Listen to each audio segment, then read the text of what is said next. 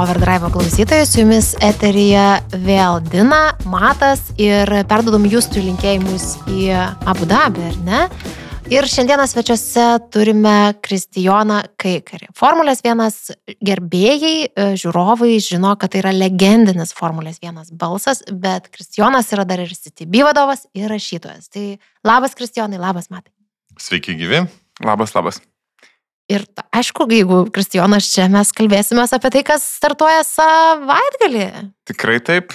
Formulė 1. Formulė 1, jau man atrodo, fanai laukia šito epizodo, nes vis tiek Lietuvoje, man atrodo, Formulės 1 susidomėjimas šitom varžybom, kartu turbūt su ta Netflixo, galbūt, sakyčiau, Drive to Survive bomba labai stipriai išsprogo. Pastaruoju metu labai daug fanų. E, kada, Kristijonai, pats tu susirgai Formulės 1 lyga?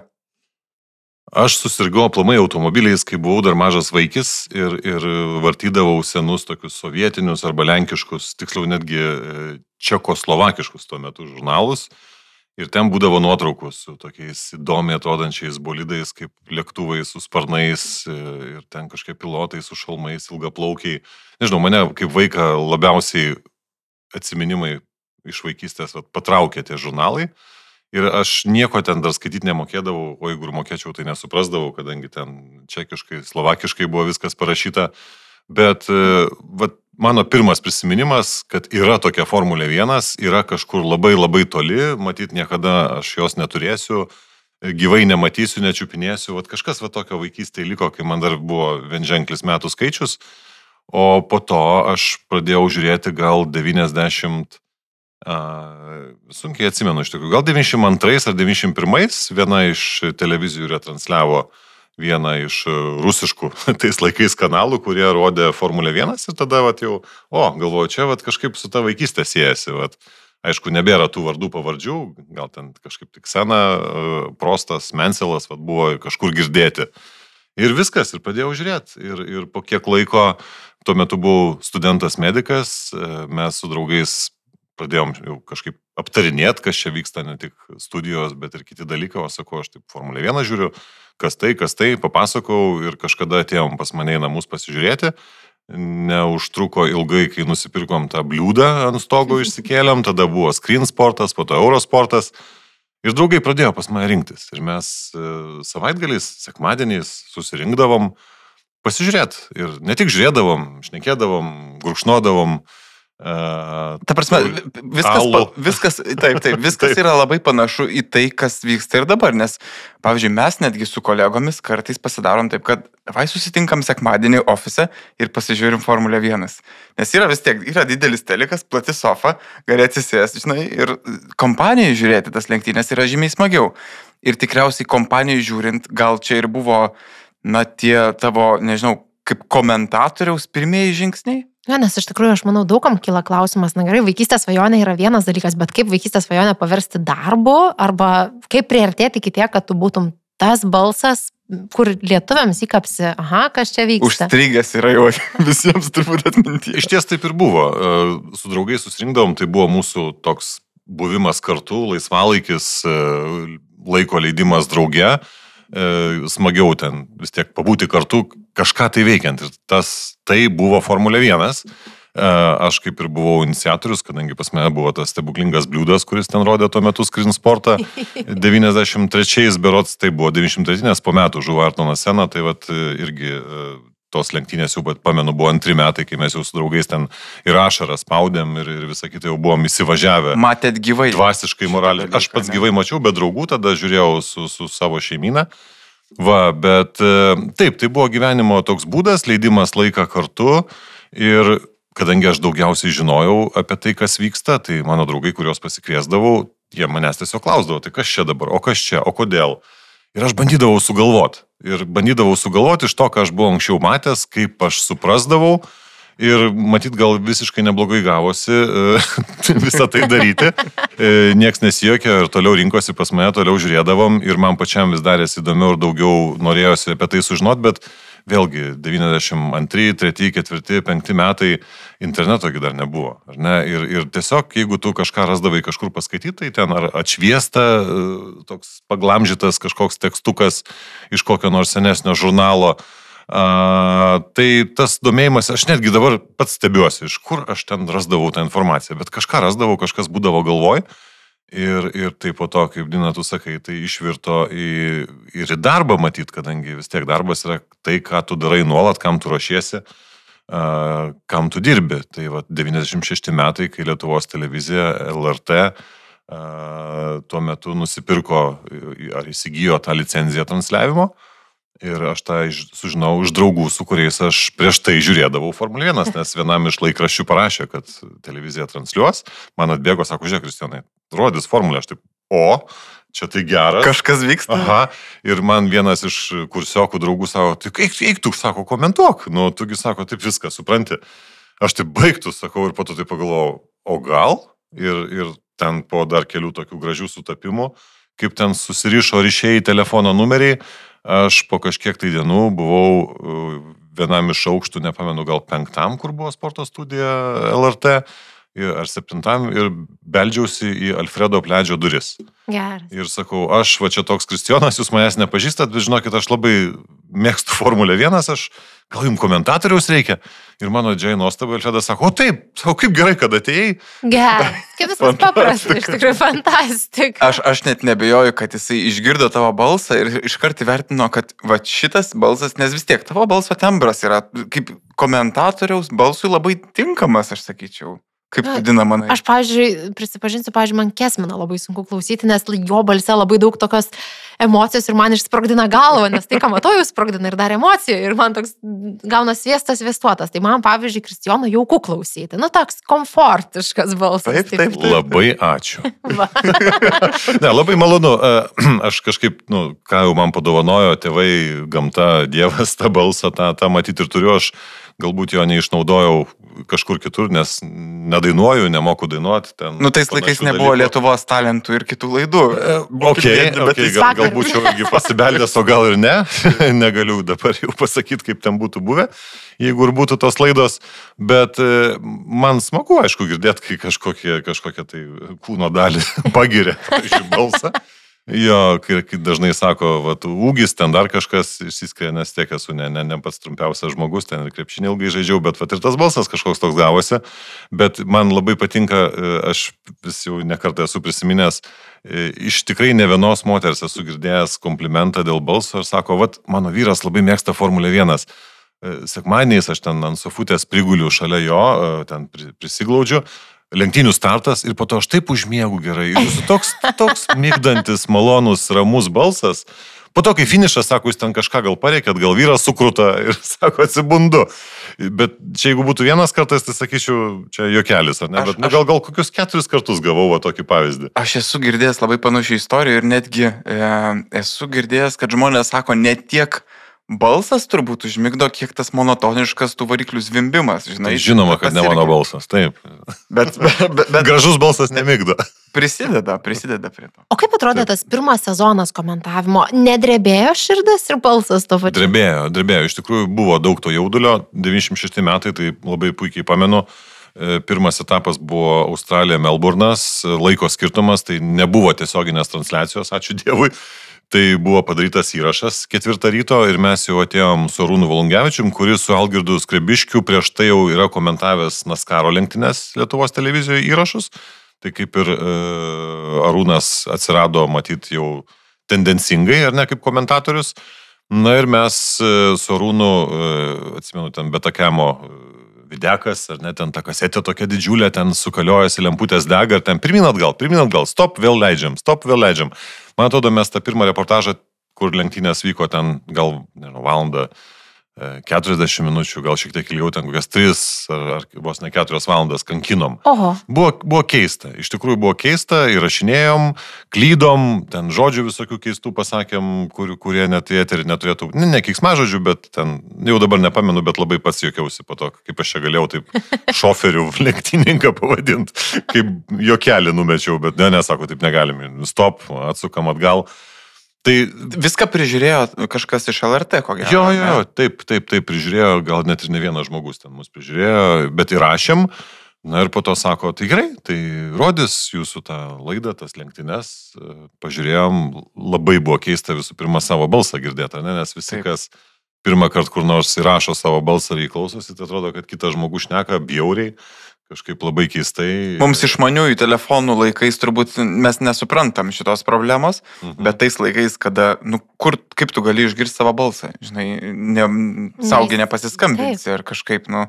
Taip. Tai taip. čia. Nesintinėjai voice message draugam. Tikrai. labai buvo keistas. Ir iš tikrųjų aš po to pirmo savęs pasiklausimo galvojau, ai, ne, nesąmonė, čia ne man, aš, aš nemoku ir, ir daugiau to nedarysiu, bet po to supratau, kad man ta Formulė 1 tiek yra įdomi, kad aš visgi gal tada pabandysiu dar antrą kartą, po to trečią kartą. Ir tie tiesioginiai eteriai pasipylė. Ir ten vėlgi buvo ženkliai viskas kitaip. Mes sėdėjom e, LRT toj didžiojoje studijoje, kur buvo tas visas, nežinau, stendas, kur žinias skaitydavo, ten tokia didelė patalpa. Taip. Be ausinių, su paprastais mikrofonais. Ir aš tik po to jau, jau kaip po ten kažkiek trijų ar keturių metų, kai mes į TV3 atėjom, tai ten jau įkišo mus tokią kamurkę, uždėjo ausinės ir va ten jau tu kažkaip įsijauti. Jau studija. Tu, jau studija, ne? jo. O ten mes sėdėjom kaip va šiaip, va, komentatoriai, nežinau, žinių pranešėjai su Arūnu. Ir, ir, ir tiesiog va taip va šnekėjom, keista būdavo įsijaust, bet po to labai įdomus jausmas aplanko, tu tiesiog užmiršti, kad e, tave ten kažkas klausosi, kažkas ten žiūri, tie žmonės tiesiog šnekėsi ir aišku stengiasi nenusišnekėti. Ir, ir toks įdomus dalykas, daugiausia laiko iš tikrųjų užėmė, nes vis tiek, kai, kai dviese komentuoji, tai tu dirbi kelis darbus vienu metu, tu žiūri, kas vyksta ekrane, ar ne, ir tu pasakoji apie tai. Jeigu pats nepasakoji, tu vis tiek žiūri, kas vyksta ir klausaisi, ką kolega šneka. Tai vad nuolat tu turi būti įjungęs tas kelias ausis, girdėti, po to atsirado dar kompiuteris ir, ir statistika ekrane, tai vad dar ten reikėdavo stebėti.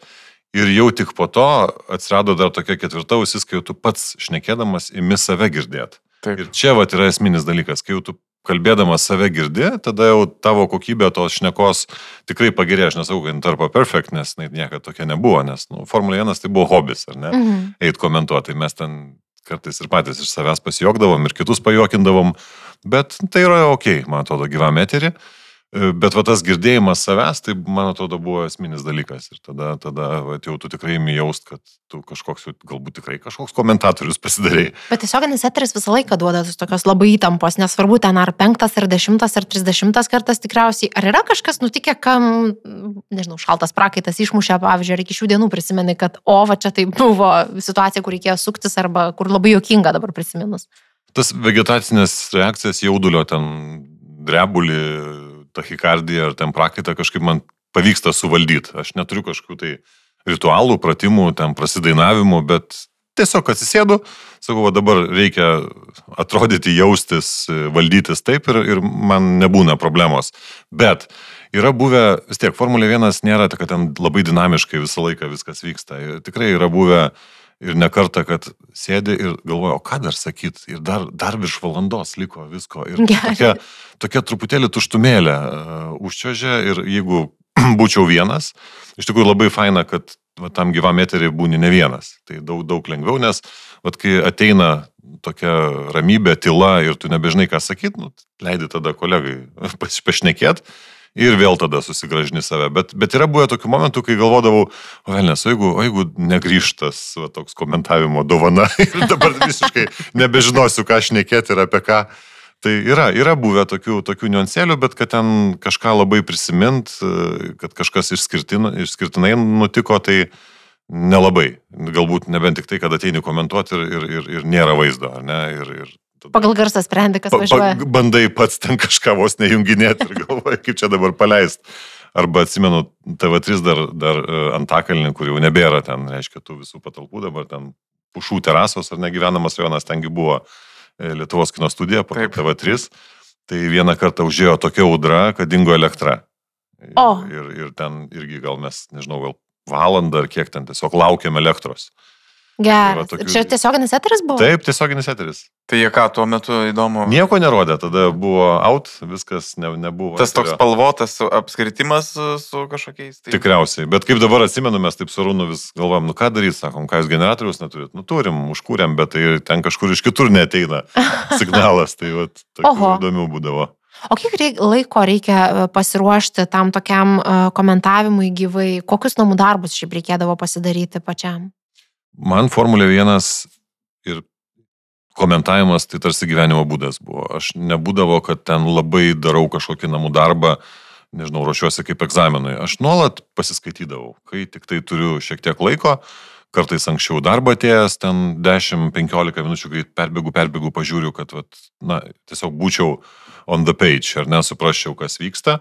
O prieš patį, patį komentarą, tai aš dažniausiai jau prieš varžybas, kažkada ir kvalifikacinėsgi komentuodavom, tai skirdavau porą, porą valandų. O taip ramiai atsidarau šaltinius internete ir, ir pradedu rinktis tą vaizdelį. Aš visą laiką turėdavau tokią špargalkę, nes aš turiu regimą atmintį, man labai smagu užsirašyti. E, visą laiką pas mane būdavo e, reikiuotė komandų lenktynininkų su taškais ir keletas kažkokių tai pasižymėjimų, kur aš tikrai noriu jų nepamiršti ir nepraleisti ir pasakyti. Nes kai komentuoji, vėlgi daug tų darbų, daug tų ausų, Taip. Reikia atlikti tokį multitaskingą ir, ir, ir kartais būdavo, kad netgi tą špargalkę ne vis laik pasižiūri, ką ten užsirašyti. Tam, tam nėra laiko. Bet iš esmės tai ta prasme užtenka tiesiog domėtis tas rytim. Reikia, kad tas rytis labai patiktų. Šiuo atveju, pavyzdžiui, Bet. Formulė 1. Ir kai tu gyveni tą Formulę 1, tai tu automatiškai viską turbūt ir labai gerai žinai ir išmanai ir gali palyginti objektyvius netgi kažkokius standartinimus savo galbūt pateikti. Žinai, galvoju, pavyzdžiui, kad tais laikais dabar nu daug ką internetas, man atrodo, palengvina, nes kaip tu tu sakai, Kristijonai, nu, tu gali labai daug tos informacijos gauti iš pirmų šaltinių, Twitteriai, socialiniai tinklai, pačios komandos, gali pats savo viską susivesti. O tada, kai tu pradėjai, tai nieko nebuvo. Tai va aš, va tą, man toks, žinai, įsivaizduoju tai... save tam kaliai ir man biškis ubelis toks kyla širdį, jeigu reikėtų. Laukiniai vakarai. Tai va aš tą ir kaip sakau, aš jau pats nebeprisimenu, nu, iš kur mes ten išrasdavom ten tiek tų žodžių ir, ir, ir minčių, ką pasakyti kai tikrai nebūdavo iš ko pasiruošti. Aš jaučiu, kad e, iš jūsų tų pirmų laidų net ir terminologija visa lietuviška sudaryta, kaip kas vadinasi lietuviškai šitoje srityje, man atrodo, ar ne, nes reikėjo ir tą sugalvoti. Ir tą reikėjo sugalvoti, nes tikrai būdavo tokių momentų. Lollipopmenas. Tu... jo, lollipopas ar lollipopmenas, visokiausių. E, praeitų metų vienas iš tokių žodžių, bet ne mūsų čia sugalvotas, mes fanų klausėm, tai tas purposing, ar ne, tas šokinėjimas, kas, kas čia buvo toks, tokia lyga e, praeitų metų automobilių su ground efektu, tai e, kažkas pavino delfinavimu. O, yes. Nes delfinai angliškai purposina, ar, ar kaip čia reiktų pasakyti, mm. lietuviškai, ar ne, Aha. iššoka iš vandens ir, ir paneria ir vėl iššoka. Tai e, angliškas terminas yra iš to kilęs, Vat kaip delfinas jis nuolat šokčioje. Tai kažkas taip ir pasė, delfinavimas ir kažkas netgi pasigavo iš dabartinių komentatorių, ten kažkada klausau, sako, o delfinuoja Mercedes bolidas, wow, kietai. Geras, o pačiam geras. klausant kitų komentavimo, e, kaip ilgamečiam Formulės 1 fanui ir komentatoriui, kaip viskas atrodo dabar, ta kita karta atėjusi komentuoti šio, šio laikiniai, labai baisiai skamba, bet dabartiniai komentatoriai, ar ne? Ar pačiam nieks nekliūna, ar smagu klausytis, ar visgi yra, kur galėtumai taisyti, arba kur norėtumai gilesnių įžvalgų. Arba kur norėtum tiesiog pats norėtum galbūt sugrįžti. Ateiti ir pris, prisės prie mikrofono. Yra galbūt du dalykus tokius išskirsiu. Šiaip aš gal mažai, mažiau ar ganėtinai mažai klausau būtent lietuvių komentatorių, nes aš e, žiūriu angliškas transliacijas per F1 TV Pro. E, man labai patinka Martinas Brandlas, e, man labai patinka Davidas Kultardas, kaip prisijungia, nes jie vis tiek yra buvę lenktyninkai, jie ten viską jaučia, žino, supranta ir, ir dar sugeba papasakoti. Tai man, mane tai veža. Aš pats to, nežinau, nesugebu tai papasakoti kaip jie. Uh, Tai aš e, su malonumu valgau ausimis ten tai kiekvieną jų žodį ir man, mane tai veža. Kroftis jo, Benas Edvardsas e, iš tų senų laikų, Screen Sporto, Eurosporto laikų, kai aš pradėjau vat, per bliūdą žiūrėti, reiškia, jisai jo. Tai man, man ir jų balsai ir viskas, nu, totaliai tinka ir, ir aš lietuvius pasižiūriu tik atsitiktinai. Už tai negaliu profesionaliai juos įvertinti, bet vėlgi, kai tu pats esi tiek laiko daręs, tu labai esi jautrus kiekvienai situacijai. Ir ypač jeigu tu matai, kad kažkaip galbūt netaip buvo suprasta kažkokia, kažkoks tai įvykis ar, ar ten suinterpretuota, tai papasakota, nu tai tada tikrai norisi šokti į eterį ir sakyti, okei, okay, fine, tai dabar pasišnekėkime apie tai. Aš manau, kad čia buvo šitaip. Nu, ir yra, yra tokia lyga, matyt, bet gal normalu, ar ne, kai tiek metų komentuoji, kad turi savo nuomonę ir, ir, ir tu žinai, kad tai teisi yra. Tai dabar ta proga, e, aš, kadangi esu tokia epizodinė Formulės viena žiūrėtoja ir aš visą laiką pasigaunu ir labai azartiškai žiūriu, bet tikrai nesu tas žmogus, kuris sezono, ne sezono metu seka Twitteriu, žino, kas ką pristatė, kokie, kokiais bolidais važiuoja ir kokios naujausios technologijos. Man labai įdomu tavo, Kristijonai, patarimas. Jeigu tu žinai, kad, okei, okay, formulė būtų tau įdomu, bet tu nieko nežinai apie ją. Arba net nežinai, nuo ko pradėti domėtis, kad tu turėtum bent kažkokią minimalią bazę žinių ir kad suvoktum, kas vyksta. Kad nebūtų, aha, zvimbė gražiai užmigau, ar ne? Nuo ko pradėti? Kur, kur susidėti tą savo lagaminėlį, bagažą, galvoji? Vaikus geras, bet toks sunkus klausimas, nes jeigu aš žinočiau tą auksinį receptą, tai matyt, mane galėtų kažkas pasamdyti ir aš padaryčiau, kad visas pasaulis žiūrėtų Formulę 1. arba bent jau Lietuvoje už... transliuotų. Arba vis, jo.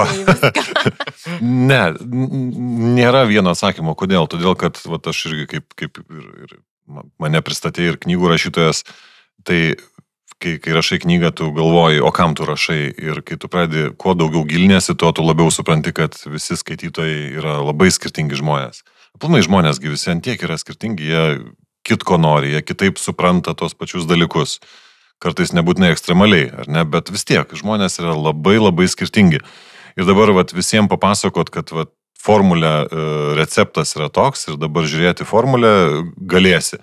Aš manau, kad tiesiog reikia pirmas dalykas, kaip ir bet ką kitką, reikia pirmą pabandyti, ar ne? Ir tada, jeigu tau pabandžius, nežinau, ne, nesuvimdo, Galima antrą kartą pabandyti. O kad e, nesuvimdytų, įsiterpsiu pradėti nuo kvalifikacijos ir iš karto įvardinti. Ne, reiktų nuo lenktynių. Nes, nes... Ir dar netuščių skrandžių, gal jūs kažkokių, žinai. Taip. Ne, geriausia su draugais, geriausia kompanija, geriausia, jeigu kompanija jau kažkas kažką žino, gali ten kažkiek atsakyti kažkokius klausimus. Nes labai skirtingai, aš tiek skirtingų žmonių esu sutikęs ir tiek skirtingų esu gavęs ir klausimų ir turėjęs diskusijų apie tai, kodėl kas žiūri.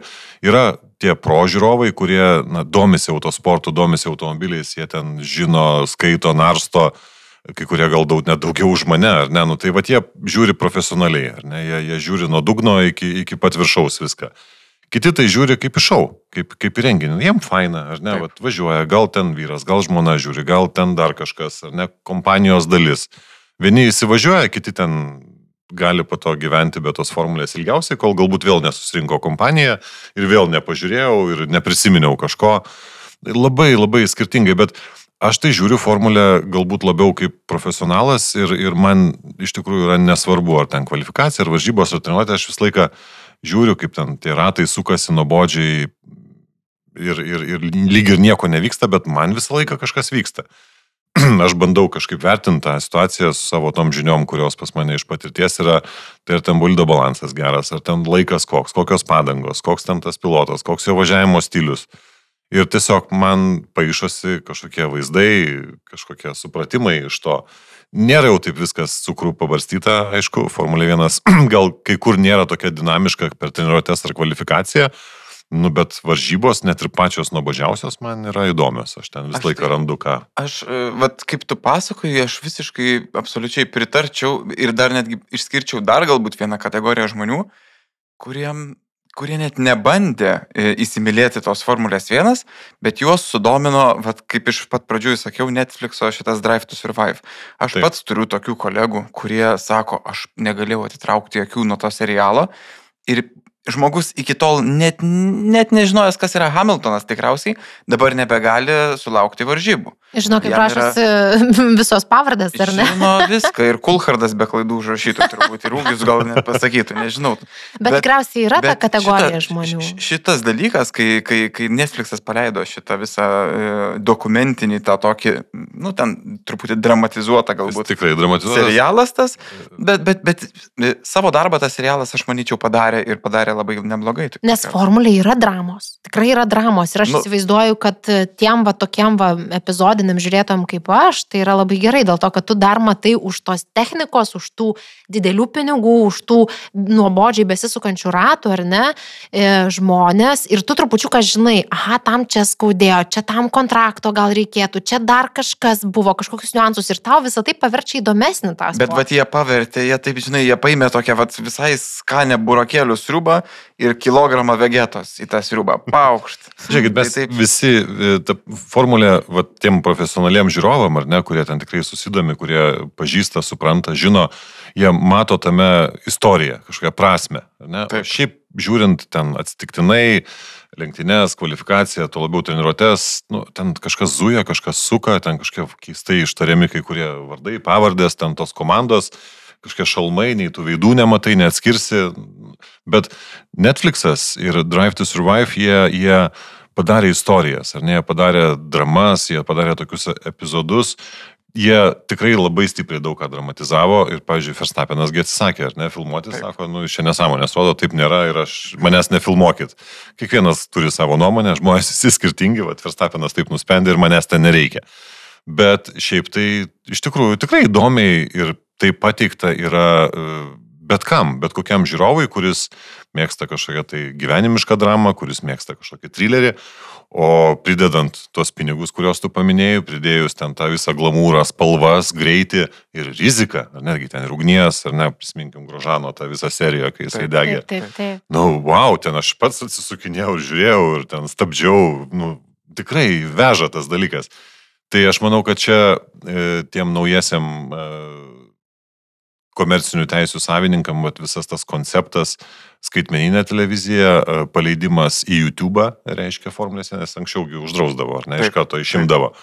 Ir atsiverimas visais kanalais ir ypač su šitos Netflix'o serialu, nu, tai yra tiesiog kažkas tai labai labai gero, labai sėkmingo, kas turi dabar neša tokį rezultatą. Jie tiesiog prisitaikė panašu prie tos kitokios pasikeitusios auditorijos, nes ta senoji karta turbūt auga, auga, užaugo, O kaip jaunuosius vat sudominti, kaip tą jaunimą įtraukti šitą, tai ir yra turbūt, kaip ir tu sakai, kad YouTube'as ir, ir, ir serialai, tai manau puikų darbą padarė. Gal tai senai kartai ir nebeįdomu dėl to, kad nu, dalis jau tikriausiai atkrintinė, nes ir technologijos keičiasi, ir ta formulė tylesnė, jinai vis tiek turi suvaržytą, sakykime, labiau ar ne, ateina vardai jauni, kurie tau nebeturi jokio palikimo emocinio, kur tu žinojai, kad aha, ten tas, tas legenda važiavęs ir taip toliau. Ir dabar tu tarsi iš naujo turi pratantis prie jų ir gal tai senai kartai daliai jų nebeįdomu, o ta jaunoji, jinai tokia socialinių tinklų vartotoja, reikia greito dramatiško produkto, kad užkutentų smegenis. Ir va tas Netflix pakutena smegenis. Idealiai pakutena smegenis ir svarbiausia, kad ten tose serijose tai vienas epizodas, tai kitas, tai viena komanda, tai vienas veikėjas, kažkas ten e, gerėtis, blogėtis, ten intriguotojas, dar kažkas taip labai gražiai visiems pateikta įvairiems skoniam. O, pavyzdžiui, seniau, ir čia irgi geras pastebėjimas, kad ta karta, e, kuriai aš pradėjau komentuoti ir kuri galbūt augo, ar ne, kartu su manim, su Arūnu, kai mes komentavom, e, dauguma tų žmonių, jie nebežiūri Formulės 1. Vienetai, vad netgi iš tų mano draugų, su kuriais aš žiūrėdavau ten nuo 93, 4, 5 žiūrėjom, tai uh, aš nepameluosiu pasakęs, kad ten iš dešimties gal du tik tai te žiūri. Kitiems nebeįdomu. Ir kodėl? Todėl, kad ta istorija, ar ne tas Netflixas, tas serialas, ta serija pasibaigė, kai Schumacheris išėjo iš Ferrari. Ne, nes mhm. mes padėjom nuo ten 93 metų, tada Šumacheris augo, jisai pirmą titulą iškovojo, ketvirtais, atsiprašau, e, ketvirtais pirmą, penktais antrą, tada Hilas ar ne šeštais metais, tada Vilnevas atėjo, po to ten Hakininas iššoko, tada Šumis su Ferrari pradėjo, reiškia, visus tos penkis titulus atsivežė. Ir po to kažkaip viskas taip pasibaigė ir, ir tas serialas baigėsi. Ir tie žiūrovai, nu, jie pasisotino, jie pažiūrėjo, na, mano serialas pasibaigė. O, o dabar su tiek daug serijų, su tiek daug, reiškia, skirtingų situacijų, istorijų, tai aš manau, kad e, ta tikrai, tikrai puikus sprendimas. Ir netgi iš tų senukų, nereikia sakyti, bet iš tų senų žiūrovų, kai kurie netgi užsikabino. Aš pats pareklamavau keliams draugams, sakau, palažiūrėk, mes atsimeni, žiūrėjom seniau, tau nebeįdomu, bet tu dabar pažiūrėk šitą. Ir po to sako, wow, žinai, čia ne tik tame seriale, bet ir, ir paskutinius kelius sezonus tikrai vyksta daug tos dramos. O dramos lenktynėse dabar yra tiek kad aš tikrai nebelabai atsimenu. kad jos anksčiau buvo. Aš vat to ir norėjau klausti, vat jeigu mhm. sugretintumėm dabartinį sezoną, ar ten praeitų, ar už praeitų metų, tarkime, su kokiais 95, 96, galbūt ir 94 metais, bet kaip stipriai pasikeitė tos lenktynės, nes atsirado kas, atsirado visokie kersai, DRSai, kiti dalykai, kurie atrodo galbūt mums iš pirmo žvilgsnio atrodė labai dirbtini ir tas lenktynės padarė tokiomis, nu nežinau, liktais su čytais kažkokiais, žinai, važiuoja kaip žaidime ir turbo mygtuką. Jo, turbo. Bet mes pripratome prie tų čytų ir dabar mes jau nebesam jiem kritiški, nebeįsivaizduojam be jų ir mes dabar matom, kiekvienose lenktynėse na, kažkokia tai skirtinga dramelė arba drama. Papildomas laisvas laipsnis kažkoks Taip, atsirado. O anksčiau, va, tais va, 96, 7 ir, ir ten ar metais anksčiau, nu tai kas buvo? Buvo Michaelis Šumacheris, jaunas toks protagonistas, ar ne, ir, ir ten keletas antagonistų. Ir vienas iš jų buvo kažkiek tai Daimonas Hilas, ar ne, ten ypač Šumacherio fanam, nors ir Hilas turėjo nemažai fanų. Aš vienas iš jų buvau, nes man patiko Hilas kaip toks anglas, džentelmenas tėvas Formulės 1, ar ne, reiškia, buvęs Taip. pilotas. E, kažkaip aš, aš ne vienoj kovoj už jį sirgau, ne, e, bet Michaelis Šumacheris man atskirai savo kampais labai patiko kaip, kaip lenktyninkas tuo metu. Bet tada drama buvo pagrindinė tarp jų dviejų. Kažkas kitas ten palydavo, kažkas ten avariją kokią padarydavo, nu ten po to Vil Vilnevas atsirado, Hakinenas, ar ne, ten kažkiek su Kultardu ten irgi buvo tokių situacijų, bet vis tiek, tu žiūrėjai Michaelį Šumacherį kaip į centrą ir kažkas ten su juo kažką kartais nuveikdavo. O, o, o dabar kas vyksta, tai nu, yra Maksas Verstapenas, bet yra visai lė kitų įvykių kurie ten to, to, tų prieskonių tiek prideda į Formulę 1, kad tikrai nenobodu žiūrėti. Tai va, paminėjai, kad buvo e, Hilas versus Schumacheris, toks, nu, duetas neblogas. Dabar, dabar visi laikais... prieš taip, Maksą. Taip, dabar Maksas, taip, taip. tada kas ten jį? Bet, bet, bet dabar e, leis man truputį sugrįžti į, į užpraeitus metus, į paskutinės užpraeitų metų varžybas kur e, šitas e, Hamiltonas e, varžėsi iki paskutinių sekundžių su Verstapenu. Beviltiškai varžėsi. Nu, ten, ta, tas epizodas, aš, pavyzdžiui, aš per visą savo žiūrėjimo istoriją, o žiūrėjau tai formulę daug maž nuo tų laikų, kai mano senelis žiūrėdavo, žinai, atsisėdęs prie LRT, vad klausydavo su tom ausinėm užsidėjęs jūsų balsų tarp kitko. Ir, ir, ir buvo momentas, kada aš mažiau žiūrėjau, bet paskui vėl sugrįžau prie tos formulės, žiūrėjau. Tai aš neatsimenu tiek daug dramos per pačią transliaciją. Jau nekalbu apie ten kažkokius Netflixinius dalykus ar kažką tokio. Mhm. Kaip tu pats vertini tas varžybas ir kaip tu pats, nežinau, palaikai ten masį sprendimus vienokius ar kitus. Vat kokia būtų tavo, nežinau, ar išvada, ar, ar, ar, ar mhm. pastebėjimas iš tų varžybų? Jeigu žiūrėt tik į tas Abu Dabio lenktynės, finalinį etapą ir tuo labiau dar žiūrėti lenktynių pabaigą, tai aš manau, kad e, Luiso Hamiltono ir Mercedes atveju tai buvo nesažininga. Kaip ir sako, apiplėšė, ar ne? Nu, apiplėšė ten galim tų žodžių daug pririnkti Taip. įvairiose kalbose, bet, bet nemanau, kad tai galima vertinti kaip tikrai va, tokį sąžiningą epizodą, nes buvo daug tokių mhm. klaidelių padaryta ir galiausiai iš tų klaidelių išvada buvo tokia, kad na, Luisas Hamiltonas, kuris akivaizdžiai atrodė greitesnis ir turi laimėti ir, ir, ir iškovoti čempiono titulą, staiga lieka su padilusiomis padangomis ir ten Taip. nu, jokių šansų Taip. kovoti su Verstappenu, kur ten guma yra dviem sekundėm greitesnė. Bet e, Formulė 1 tai nėra vienas etapas, tai yra visas sezonas ir Taip. kai aš pagalvojau iš tikrųjų, o kas vyko prieš tai, ar ne, e, kiek kartų Maksas galbūt turėjo kažkokių nesėkmių ir tose nesėkmėse netgi pats Luisas Hamiltonas sudalyvavo ir būtų galima sakyti, kad jeigu ne Luisas, Pavyzdžiui, kad ir Didžiojoje Britanijoje tos lenktynės. Nu, Taip. akivaizdžiai ten jį išstumė. Taip. Hamiltonas, e, Verstappenas gerai, kad ten toje avarijoje ir traumas nepatyrė. Hamiltonas gavo 10 sekundžių baudą už tai, kad, reiškia, suklydo ir varžovą išstumė. Bet laimėjo lenktynės. Nu, tai tada Baku, ne, e, tais metais. Verstappenas pirmas ir plyšta galinė padanga. Taip. Tai va tie du epizodai, aš sakyčiau, jie galbūt netgi du atsveria e, visas tas bėdas, su kuriamis sudurė Mercedes ir Hamiltonas Abu Dabėje prieš du metus. Ir jeigu tu žiūri visą sezoną, tai vėlgi tai atrodo gerokai sažiningiau netgi Makso Verstappeno atveju. Bet vėlgi, čia yra subjektyvų. Formulė 1, čia labai daug kas priklauso nuo to, kokios tu komandos fanas esi. Taip. Iš kokio kampo tu žiūri ir kaip vertini. Kokį automobilį galų gale vairuoji. Taip. Tai gali nulemti. Nenoriu piršti, kad va, čia yra tik taip ir kitaip, bet va, kai paklausai, kaip aš manau, taip. kaip aš vertinu, taip.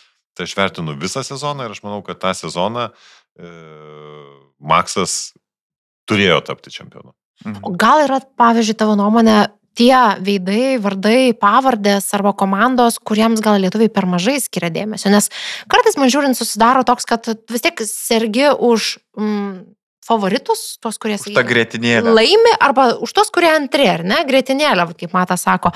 O tie, kurie yra vat, talentai, varžosi, kartais iššoka, kartais ne, kas jie tokie yra, į ką verta, pavyzdžiui, dar atkreipti dėmesio mm, lietuviam. Labai individualu, vėlgi nuo kiekvieno žmogaus priklauso. Aišku, žvaigždės, tie, kurie laimi, e, tie, kurie susirenka visus laurus, na, į juos ir daugiausia žiūri. Tai aš manau, kad normalu, kad daugiausia tų gerbėjų turi Maksas Verstapinas, Liusas Hamiltonas, kažkam galbūt Lecleras, kažkam Sainzas patinka, nes vis tiek Ferrari, tokia komanda, kurios pilotus visi labai, nu, ne visi, bet daug kas myli. Taip. Va, kitiem pilotam, kuriems sekasi mažiau, bet jie galbūt kartais iššoka, sužyba, kaip ten prieš porą metų Lando Norisas, ar ne, nu, turi savo fanų grupę. Danielis Ricardo asmenybė, dėja, nebeturim Danielio Ricardo kaip lenktyninko, bent jau šį sezoną žada jisai sugrįžti, bet, bet kol kas pabaigė karjerą. Jis daug fanų turi, kadangi jis labai fainas. Charizmatiškas. Charizmatiškas žmogus, tai jo šipsena. Taip. E, ir jis pats mėgsta iš to pats pasijuokti, ar ne, kiek ten visokių juokelių su jo ta šipsena yra padaryta.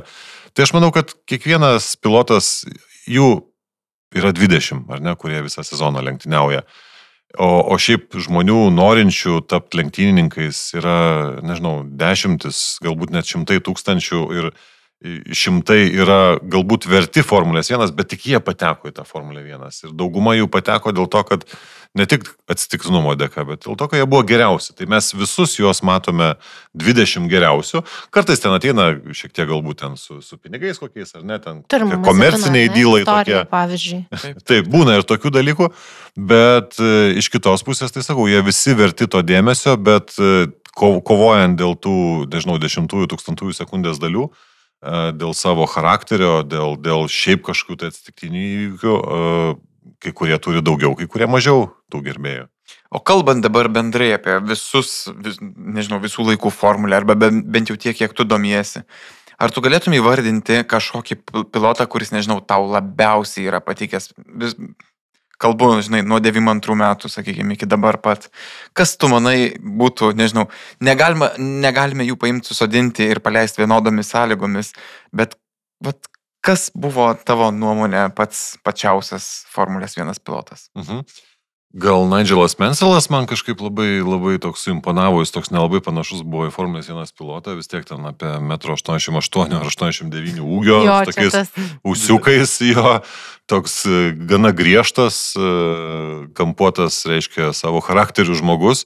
Ir, ir dabar e, man paliko įspūdį, kai 900 pradžioje visgi jis iškovojo, nu, aišku, ten Williamsas buvo pats geriausias tą aktyvę pakaba, tuometinis Renault variklis, ten nepasiekiamas niekam buvo, net, net senos Hondai, bet jis iškovojo titulą Formulės 1, nuvarė Indikarą ir ten iš karto tapo čempionu.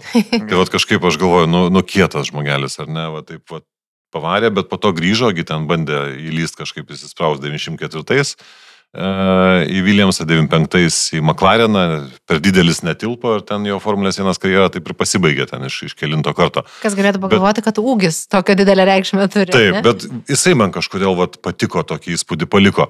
Bet aišku, Artonas Sena, kiek aš jį mačiau, ar ne, iki kol jisai žuvo įmaloje 94 na vis tiek jo tas toks e, susikoncentravimas, jamgi niekas kitas neegzistavo, Formulė 1 ir tada viskas, kas susijęs su Formulė 1, aišku, ten saugumas, visos techniniai dalykai, bet jis toks, na, nežinau, gimęs. E, su šeštu pojūčiu. Šeštu pojūčiu. Iš ties buvo nerealus. Na ir Michaelis Šumacheris, aišku, niekaip iš jo netimsi tai, ką jisai padarė, tie septyni titulai užkovoti. Uh, ir nėra tai, kad tuo metu na, tai buvo dominuojančios komandos. Pavyzdžiui, Benetonas, jisai niekada nebuvo greičiausias, bet ten kartu su Flavio Bretorė ten visokių triukų padarydavo ir, ir, ir ne viskas galbūt buvo legalu, vėlgi ne man spręs, bet, sporte, bet daug ko prisiklausęs esu. Daugelis sportų lydi šitas čytinimas. Taip, tai ten visokių tokių įdomių istorijų yra buvę, bet jis sugebėjo tapti čempionu, ar ne? Galbūt ir ten 94 Daimono Hillą ne visiškai tvarkingai išstumė, kad jis nelaimėtų, po togi dar po kažkiek metų Vilneva buvo išstumęs. Taip. E, ten jau jį nubaudė, getėme taškus Taip. ir viską, bet Michaelis vėlgi, na, man patiko, kaip Deidas Kultadas kažkada pasakė, jis kažkada netekęs kantrybės klausė Michaelio, sako, klausyk, o ar, ar tu esi kada nors suklydęs? Michaelis sako, ne, niekada. Tai rodo požiūrį, ar ne, žmogaus lenktyninko, jisai mano, kad jisai yra teisus ir už tai jis daro tai, ar ne, ir tu negali jo smerkti už tai, nes jisai mano, kad jisai yra teisus, jisai va yra toks. Bet pavyzdžiui, kad jisai Ferrari taip užaugino, kad aplink jį susibūrėgi visa komanda. Rosas Braunasgi techninis direktorius, Žanas Totas komandos vadovas, visa Ferrari, viskas jam buvo padaryta ten Fiorano, Midželo trasose, Luka Badoeris ir dar kažkas ten test pilotai sukdavo tą bolidą ten tūkstančius kilometrų, tada nebuvo uždrausta treniruotis. Taip. Ar ne? Ir viskas buvo Michaeliui Šumacheriui. Ir, ir, bet, bet, Kosmosas. Nu, bet jisai buvo tas, kodėl taip atsitiko, ne kažkas tai kitas. Ne? Tai va, jisai buvo tas centras, ta žvaigždė. Vėliavnešys. Aplink kurią viskas būrėsi. Ir, ir, ir, ir iš tikrųjų dabar žiauru vis prisiminti ir suprasti, kad jisai kaip ir gyvas ir kaip ir negyvas, ar ne? Ir mes mm. nieko apie jį nežinom. Tai va mm. čia viena iš tokių tragedijų Formulės 1 yra plomai e, žmogaus likimo. Nu, toks e, e, eros pabaiga, kaip tu ir sakai, kad, nu, tiesiog. Taip, bet tai yra tragedija, nes realiai Taip. žmogus septynis kartų tapo pasaulio čempionu, lenktyniauja nuo 91 tiek metų važiavo ir turėjo ten kojas lūžusias, ten turėjo visokių incidentų, bet ne, slidinėjimas, ne, kur mes visi taip slidinėjom. Nu čia kaip ir koks mak makrėjus, lygiai taip pat su helikopteriu ten nukrito. Taip. Tai čia to, tokie dalykai. O dar noriu paklausti, kaip tu pats vertini tą vat, technologinį progresą Formulė 1? Ar, ar, ar nėra taip, kad, um, nežinau, gal, gamintojai vis tiek kažką inovuoja, žinai, su tom pačiom KERS ar DRS sistemom, kaip ir sakiau, dalis tų technologijų pereina į, į tuos pačius serinius automobilius. E, ir senoviai buvo taip pat tie patys ground effect visokie, tas automobilis e, Gordono Murėjaus su ventiliatorium, ten iš vis buvo kažkoks stebuklų kosminis laivas tikriausiai. Dulkius rublys, ja. Taip, dulkius rublys. E, kaip tu vertini vat, tą visą evoliuciją ir kaip tu manai, kas mūsų laukia ateityje, nes tikriausiai Formulė 1 gal nesikonvertuos greitų metų prie elektros, bet turbūt kokie ar tai būtų, e, nežinau, sintetiniai visiškai jau dabar tikriausiai sintetiniai degalai yra naudojami ar ne. Kažkiek taip, taip. Ir vat, tai kažkiek, gal ne kiek sintetiniai, kiek nu, organiniai. Taip, ten yra. Nu, tie yra, taip, CO2 neutralūs tikriausiai ar kažkas. Ne, aš, man vėlgi sunku sakyti, nes ne aš rašau tas taisyklės ir, ir, ir kai žiūri ateitį, man labai patinka galvoti ir fantazuoti, ar ne, kas, kas galėtų iš ko būti. Bet kadangi aš pradėjau nuo tų senų laikų, kai buvo atmosferiniai varikliai, tada Ferrari net V12 turėjo tokį mm. labai smagiai kriokiantį motorą, tokį, uh, ten fantastika, patogiai tie motorai sukdavosi net iki 22 tūkstančių per minutę, ar ne, po to ten apribojo, ten iki 20, po to iki 18. Tai man tas klasikinis atmosferinis variklis, kuris ten kriokia, rėkia, sukasi ir aš jau nekartą irgi tą pavyzdį esu sakęs, e, tas, tas e, ne kiek garsas ten decibelais, bet kiek diapazonas to atmosferinio virš 20 tūkstančių kartų per sekundę, per minutę besisukančio motoro skleidžiamas garsas gamtoje jisai kelia paniką. Tai vad e, paukščiai, žvėris išgirdę tą garsą, pas juos paplūsta adrenalinas, ar ne, ir jie bėga. Bet adrenalinas, ką jis dar rega, pa, pa, paaštrina, jisai uoslę paaštrina, klausą paaštrina. Ir vad tada, kai tu sėdėdavai tribūnose ir pralėkdavo tenai dar 26 tokie bolidai, ten būdavo tiek panikos, tai žiūrovam pasigamindavo adrenalinas ir jie tada užuosdavo tenai stabdžių kvapą, matydavo, ten priartėdavo tos mašinos, nes vėlgi nuo adrenalino pertekliaus rega labai aštri pasidarydavo, klausa labai aštri. Ir tikrai ten žiūrėti Formulė 1 būdavo kažkas tai tokio, nes visi jausmai, kaip mes pažįstame pasaulį per, per regą, uoslę, klausą, jie paštrėdavo. Dabar to nebėra.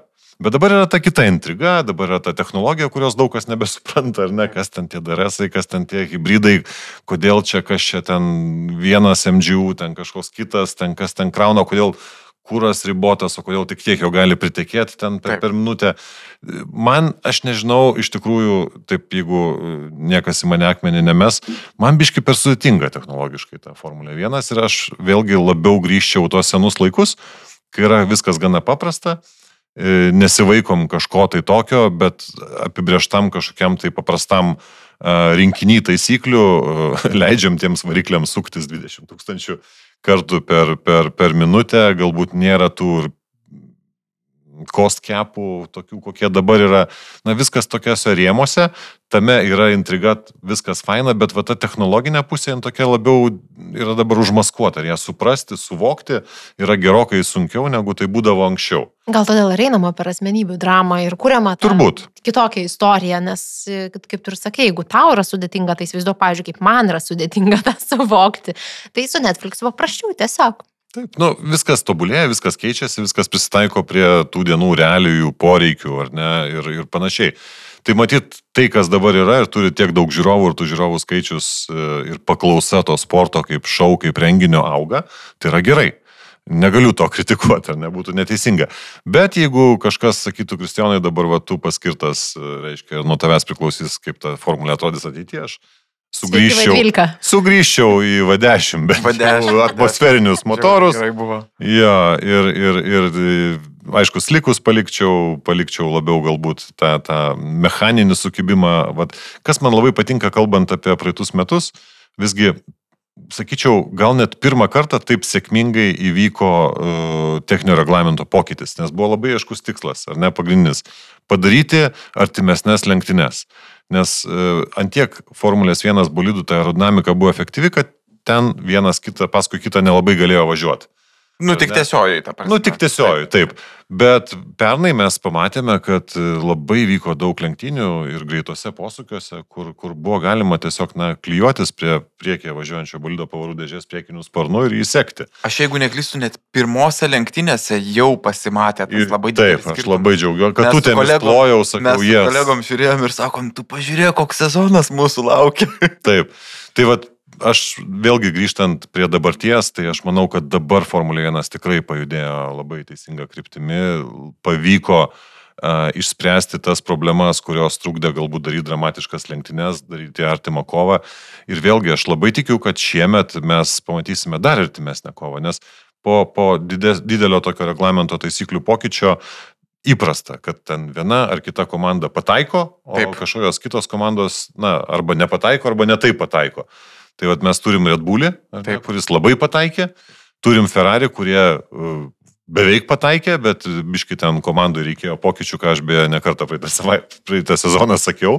Tai tie pokyčiai dabar įvyko. Aš manau, kad Ferrari tikrai e, yra, yra numeris du.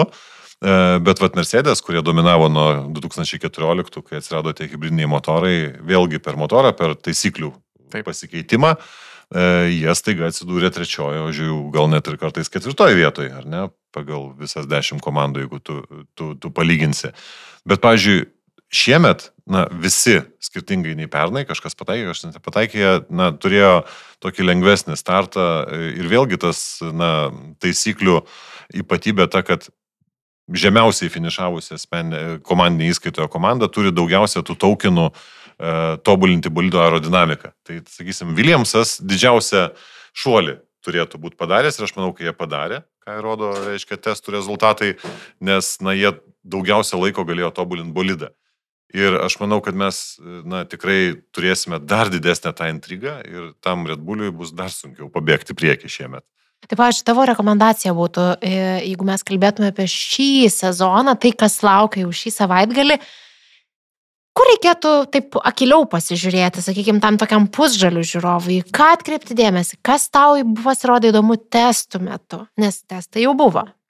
Testai buvo, bet su testais kaip visą laiką yra uh, labai labai sunku ir nelabai verta uh, taip tiesiai žiūrėti į, nežinau, ten rezultatus, vietas ar ten rato įveikimo laikus, nes na, daug ko mes nežinom, kas ten buvo, kiek ten visgi buvo to kūro įpilta, kokią jie testavimo programą ten vykdė. Uh, Bet kas e, akivaizdžiai matosi, tai kad Red Bullis nuo pat pirmų Makso Verstappeno ratų, pirmą testų dieną, e, iš tikrųjų buvo stipriausias ir, ir, ir dažnai į testus pirmom dienom atvažiavus, na ten tie nauji bolidai, ten žiūri kažkas ten, kaip, kaip tas balansas, kaip ten važiuoja, ten pareguliuoja kažką truputėlį vieną kitą ratą.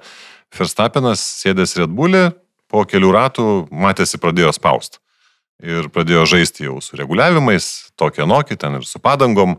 ir, ir išlipęs iš automobilio, na, Verstappenas yra tas žmogus, kur, kur ten per interviu iš jo tikrai reikia patraukti. Jisai nieko neduoda už dyką, ne, jokių ten žodžių, jokių naujienų, bet po tos pirmos dienos testų jisai buvo labai kalbus, labai patenkintas ir matėsi, kad aha, pavyko.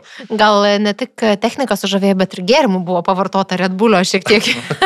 nu, jam turbūt netrūksta. jo. Bet tikrai, tikrai e, Red Bullis tikrai yra priekyje, labai sunku pasakyti, kokia persvara ten ekspertai vertina, kad tai gali būti 30-osios, kad tai gali būti ir, ir 50-osios, o gal ir daugiau. Čia per vieną ratą. E, taip, taip, per vieną ratą. Per greitą ratą, bet ir lenktynių ritmu, nes testuose galima matyti, kada jie važiuoja tokiais lengvesniais kūro bakais, kada biškis spaudžia, nes nu, tiesiog išvažiuoja, prasuka kažkiek ratų, grįžta į boksus ir pagal laiką tu matai, kad ten jie pasimuliavo truputėlį, reiškia, greitus ratus. O šiaip jiem, na, norisi visų pirma patikrinti patikimumą bolido, ar ne, ir, ir ar kaip dyla padangos. Tai jie simuliuoja tas lenktynių atstumus, lenktynių distancijas. Tai lenktynių režimu Red Bullis taip pat buvo number one, pirmas ir, ir, ir niekas jam neprilygo, bet Ferrari yra labai arti.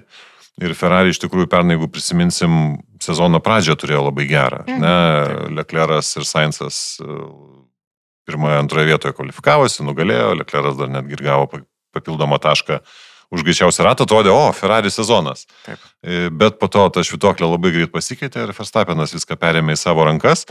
Tai aš manau, kad Ferrari e, turėdama, e, Ferrari problemos buvo dvi - variklio patikimumo problema, na ir ta aerodinamika, kuri iš tikrųjų, na, galbūt nebuvo tokia, kokios tikėjosi Ferrari.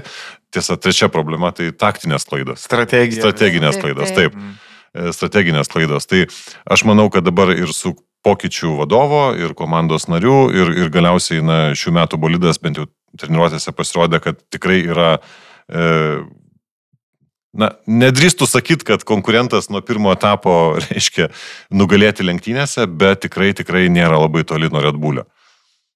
Ok. Tai, o pavyzdžiui, tau buvo testų metu kas nors netikėto? Nes tu vis tiek sakėjai, vat, dar prieš mums darant įrašą, ar ne, kad net ir ne sezono metu tu mhm. pasižiūri, kas vyksta. Tai daugiau mažiau vis tiek žinai gandus, kur link komandos juda, kas keičiasi ir taip toliau. Kas nors buvo tokio, kad, na, pats nustabai? Šiek tiek nustebau, kad e, Mercedes komanda, nors pirmą dieną atrodė gerai, bet antrą dieną taip vėl gana silpnokai, e, nestabilus bolidas buvo ir niekaip jie ten negalėjo susitvarkyti su bolido balanso reguliavimu. Nebūdinga, ar ne šitai komandai? Kažkaip atrodė, kad jie tikrai atras tą, tą receptą, kaip kitos komandos praktiškai atrado greičiau, neskaitant McLaren. Aš čia įsiterpsiu truputį, nes aš kaip supratau, Mercedesas padarė labai didelį pokytį. Jie kokpitą kartą pastumė ar ne šešiais e, procentais į priekį, kažkas tokio. Turiu meni, kad ten ne va tai svorio e, centras ganėtinai stipriai pasikeitė, plus tas bolidas jųgi be, be tų vadinamų side podų. Ir ten tas jie visiškai halo, turi, efektas, taip, ten jie, visiškai kitoks automobilis. Kita koncepcija. Negu, taip. taip. Ir visų pirma, aš galvojau, kad jie visgi mes tą koncepciją ir eis kažko tai, kažkokį fusioną tarp Red Bullio ir Ferrario, ar ne, nes, nu, dvi tokios yra kryptis. Be Mercedeso, E, kur vystosi bolidai ir, ir, ir, ir iš tikrųjų ten jos susilieja vienoje ar kitoje vietoje. Bet e, Mercedes išliko ištikima savo konceptui, e, kasgi sakau, mane labai nustebino ir nors jie tą šokčiujimą, tą delfinavimą lyg ir išsprendė tą problemą, aišku, ne be FA pagalbos, kadangi ten reikėjo pakelt dugno šonus 15 mm, kad jisai taip nesidaužytų. Va, tai liktai ta problema išspręsta, bet, bet šiaip bolidas nėra stabilus, nėra greitas ir tikrai Mercedes netliko tos trijų dienų programos, nepasiekė tų tikslų, kokie buvo suplanuoti. Ir tai akivaizdžiai matėsi ir iš Hamiltono, ir iš Russello, reiškia, interviu, reakcijų, bet aišku, jie, na, ištikimi savo komandai, jie tiki, kad komanda sugebės. Galiausiai pernai matėm, kad na, komanda gali atsistoti, tai galbūt tas, ta koncepcija visgi nėra ta. Tai vad mane šitas dalykas nustebino. Kitas dalykas, kas mane nustebino, tai Aston Martin ekipa, mhm. kur mes žinojom, kad jau jie pernai užfryzino to bolido tobulinimą ir šiemet tai bus visiškai naujas daiktas. Pati komanda sako, kad 95 procentai tai yra naujas bolidas. Tuo tarpu, kai kitos komandos sako, na, mes tokią evoliuciją turim, ar ne, ten tas nauja, tas nauja, bet dauguma tai yra tas pats ir, ir ten, pažiūrėjau, kad ir pats Verstapenas, ar ten kiti pilotai kitų komandų sako, na, aš atsėdau ir aš nejaučiu kažkokio tai radikalaus skirtumo, kas yra gerai, ten kažkokios problemos įspręstos, bet iš esmės, na, jis važiuoja taip pat. Mhm. O Aston Martinas, na, turi visiškai kitą bolidą e, ir, ir aišku, turi Fernando Alonso. Taip. jis atėjo iš Alpino. Bėda Aston Martino buvo tik ta, kad uh, Strolis, susiž... ar Strolas, Lorenzas. Strolas, taip. Strolas uh, susižeidė, uh, su dviračiu nukrito riešas susižeidė ir nedalyvavo tose treniruotėse. Ir uh, kaip pats Fernandas Lonzas sakė, kad, na, aš turiu ten įvairias nuomonės ten apie stabdžių pedalą, apie vairo aštrumą, kokybę, jautrumą, bet aš, sako, nespantu, ar čia naujo bolido ypatybė, ar čia iš tikrųjų yra, na, komandos kažkas, kas atėjo iš praeitų metų ir tik tai e, Strolas gali tą pasakyti, bet jo nėra. Tai vad e, šitoje vietoje šiek tiek gaila, kad nebuvo ten tokio, reiškia, feedbacko. komandinio feedbacko, bet taip kaip važiavo Lonzas, taip kaip važiavo Bolidas, patikimumas, greitis, aš manau, kad ten ne vieną antakį pakėlė kitų komandų ar ekspertų. Tikrai e, spėju, kad jeigu kažkas neatsitiks tokio keisto, Aston Martinas tikrai pakovos galbūt netgi su Mercedes dėl tos trečios vietos.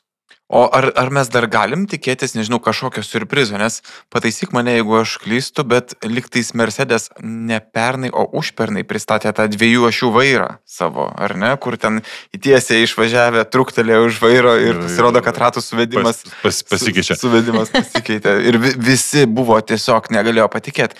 Lygiai taip pat, kaip jie pernai pristatė tą savo bolidą be side podų. Visiems irgi sprogos smegenys, nes nesuprato, tai kodėl taip, žinai. Na, kol kas, ką mes pamatėme per bolidų pristatymus ir po to per treniruotės, tai netrodo, kad kažkas tokio išlindo, dėl ko reikėtų aikčioti, ar, ar, ar čia labai labai sakyt, kad tai, o, kažkas, wow, netikėto. E, bet gal dar kažkas į pirmą etapą šį savaitgalį atvažiuos e, su kuo nors, kas mus labai nustebins. Nežinau, ar, ar tikrai verta to labai laukti ir tikėtis ir nusivilti, jeigu to nebus. E, bet man jeigu taip žiūrėti, kam labiausiai nepasisekė iki sezoninėse treniruotėse, dėl ko iš tikrųjų gaila ir šiek tiek netgi yra surprizas, tai yra McLarenai. Mm. McLarenai pernai kankinosi, turėjo daug problemų prieš sezoną ir dabar vėlgi e, e, sunku suprasti, kažkaip jie turi naują tą vėjo tunelį, e, naują simulatorių. CFD ir, ir dabar kažkaip nesuėjo tie duomenys ir jie atvažiavo į treniruotės jau žinodami, kad jiem reikia keisti kryptį bolido vystimo. Tai Tragedija. Šiaip, šiaip liūdnai, liūdnai atrodė, bet McLaren yra ta komanda, kuri kiekvienais metais nuo pirmų etapų labai greitai ir, ir sėkmingai tobulina bolidą, e, gamina daug naujų dalių ir, ir, ir sezono metu atsistoja. Tai aš kažkaip labai viliuosi ir tikiu, kad e, komandai tai pavyks. Man jų truputį buvo gaila ir tada, kada jie vėl liktai sugrįžo prie Hondos jėgainių, ar ne? Arba, ne, ne jie, maišau, maišau, sorry, maišau. Ne, McLarenai, McLarenai, McLarenai pirmieji pradėjo Bet, su jo, Honda ir jo. Fernandas Alonzas ten taip, keturis metusgi prasikankino. Ten labai liūdnai buvo. Taip, tai va ten buvo jo. tas momentas, kada man jų pagailo. Taip. Nes jie buvo viena iš pirmųjų komandų realiai visą laiką Na. tam gridė. Taip, nu, paskutiniais metais ten iki Hondos jau jie galbūt ir nebuvo. Ten. Taip. Pirmiausia, ar ne, bet, bet na, McLarenas kažkaip, nu, Dieve, ir Williamsą prisiminkim, ar ne? Taip. taip. Keičiasi tie dalykai. Taip. Bet e, kažkaip aš labai labai viliuosi, kad McLaren atsistos. Kažkaip maloni tokia komanda, graži bolidų spalva. Ir man atrodo, kad e, vienai par kitaip laukia labai įdomus sezonas, ar ne? Tai man vis e, kirba toks mintis, klausimėlis, ir aš garsiai išsakysiu į eterį ir dabar gal pavyks. Aš taip įsivaizduoju, kad būtų labai smagu surinkti tokių uh, žalių, galbūt, gal ne visai, gal formulę mėgstančių overdrive gerbėjų burelį ir pasiskolinti tave, Kristijonai, kurį nors savaitgalį. Ir kad tu ne tik pažiūrėtum kartu su mūsų vat, bureliu bendraminčiu, bet gal ir kartais vieną kitą pastabą pasakytum. Ar tai yra įmanoma? Pritartum Krofčiui ir, ir, ir Brandui. Nieko nėra neįmanoma, reikia tik pasistengti. Tai klausykit, bičiuliai, man atrodo, kad e, įdomus sezonas laukia, padarysim jį dar įdomesniu. Aš tikiuosi, kad mums pavyks prisikviesti Kristijoną. Ir pačiai, pačiai pabaigai. Man kaip knygofiliai ir šiaip kaip filmo filams visiems. Ar tu galėtumai pasakyti kokius e, du, tris, dalyk, dalykus, ką dar žmonės iki artėjančio savaitgalio, kai prasidės naujas sezonas ir varžybos, gali spėti pasižiūrėti, galbūt paskaityti arba kur trupučiuką pasisemti žinių apie tai, kas vyks arba kas yra apskritai formulė, arba susikrauti visgi tą miniatūrinį lagaminėlį. Na, žmonės dabar daugiausia turbūt žiūri, o neskaito, tai be abejo pažiūrėti galima pačiame, tame pačiame Netflix'e, jeigu Drive to Survive nežiūrėjo. E, Netflix'e ir ne tik Netflix'e, ir, ir Vieplay e, yra, yra ne viena tema skirta Formuliai 1 apie lenktyninkus. E, galim, žodžiu, irgi pasižiūrėti, pasidomėti, pamatyti, suprast. O pilnas internetas dabar, YouTube'as, epizodų, situacijų. Tai jeigu tikrai kažkam užkilo apetitas, alkis ir dabar vat, prieš sezoną norėtųsi pasiemti informacijos, na tai tiesiog na, reikia parašyti tos raktinius žodžius kažkur paieškos. P12023. Jo, priklauso koks. Grožano gaisrą galim pažiūrėti, jo, jeigu norisi šilumos ir ugnies. tikrai yra. Iš, iš kažkokių tai skaitytinų knygų, aš nežinau, viena, kuri man labiausiai patiko, tai Alessandro Zanardžio biografinė knyga, tai aš ją va, tai perskaičiau ir sakau, kad viena tokia iš įdomių įdomesnių biografijų. Martino Brandlo Working the Wheel yra nebloga knyga apie trasas ir labai paprastai parašyta, bet iš tikrųjų labai labai faina. E, o kažko tai tokio šviežaus kažkaip aš nelabai, nelabai skaičiau. Man, man matyt, užteko kitų užsiemimų darbų ir paties rašymo. tai kitaip tariant, sėsim visi šį savaitgalį prie ekranų, pasižiūrėti, kaipgi prasidės Formulė 1 ir liksim ten iki metų galo, man atrodo, ar ne? Tikrai taip. Tikrai 23 taip. etapai, labai ilgas sezonas, nors netgi pradžiai buvo sakoma, kad bus 24, kažkaip Kinijos nebeliko. Ir kas labai įdomu, Las Vegas turėsim lenktynės. Tai nauja trasa, miestų gatvės, e, glamūras, ten šau, aš manau, bus oho. Paskutinis klausimas. Ką tu manai apie miestų gatves? Pasakė ir prisiminiau, kad nepaklausiu šitą dalyką. Nes miest, miestinės trasos, paimkim pavyzdį Monakas. Kas čia yra palikimas Formuliai 1? Čia yra palikimas, čia yra legenda, kaip, kaip nežinau, iš, iš vienos pusės ir Ferrari. Mhm. Kokia formulė be Ferrari, na, tai kokia Taip. formulė be Monako. Taip. Nu, turi būti tas Monakas, ta tokia Mickey Mouse traselė tarp tų namų, tas tunelis ar ne, vanduo, uostas turi jisai būti. Ten lenktynės intriga nebent mhm. lyja lietus. Taip. E, bet jisai turi būti. Tai, o tai bendrinė prasme, tai va dabar apie, apie, apie šituos. E, pagal tai, ką mes pamatėme Saudo Arabijoje, Tai nežinau, yra visa eilė tikrų tų vadinamų trasų ne miestuose, kurios yra ženkliai prastesnės. Ne? Ir ten Saudo Arabija, na, tokia greita, fantastiška trasa. Aš manau, kad Vegas bus, tikiuosi, ganėtinai įdomi trasa. Miamis irgi neblogai. Iš tokių naujų uh, tikrų klasikinių trasų, tai aišku, Ostinas, Teksase. Man mhm. patinka tas hybridas, kad paimta posūkiai paimti iš skirtingų trasų, sudėta į vieną ir manau irgi labai sėkminga. Tik aš tikrai norėčiau, e, galbūt vis kartais pajokaujam, kad ten būtų kažkaip tas, e, nežinau, gal kiekvienais metais asfaltą reikia keisti, kad būtų įdomesnės lenktynės ar tos kažkokius purkštukus įtaisyti, kad būtų daugiau dramos. Bet... Reikia kaip e, Monte Carlo istoriniam raliui žiūrovų, kur sniega pylant posūkų, tai čia reikia žiūrovų tokius vandens patranko. reikia leisti kažkokią išdaigą padaryti. ne, bet įdomu, sprinto lenktynės e, atsirado, ar ne, ir dabar jų bus daugiau, ir netgi spatrasoje, ar ne, bus sprintas tokiam ilgam rate. Taip, taip. Jo, tai, tai Formulė 1 tikrai turi tos daug intrigos ir, ir ją tikrai reikia žiūrėti, domėtis ir, ir, ir jeigu tai su draugais, su gera kompanija, tai aš manau, kad tikrai geras būdas ten savaitgalį praleisti net 23 kartus. Fantastika. Tai Kristijonai, dėkojam tau labai, kad atvykai pas mus į Overdrive turime tokį uh, pažadėlį, kad nieko nėra neįmanoma, tai pamėginsim padaryti įmanomą tą vieną savaitgalį. E, pabandysim taip pasiūlyti savo kontribį. Aš mėlyjiems e, suporteriams va tokią va privilegiją pasiklausyti galbūt kada nors. Dar nepažadam, bet galbūt kada nors išgirsti Kristijono balso gyvai. Pabandykim. Pasikomfortinti.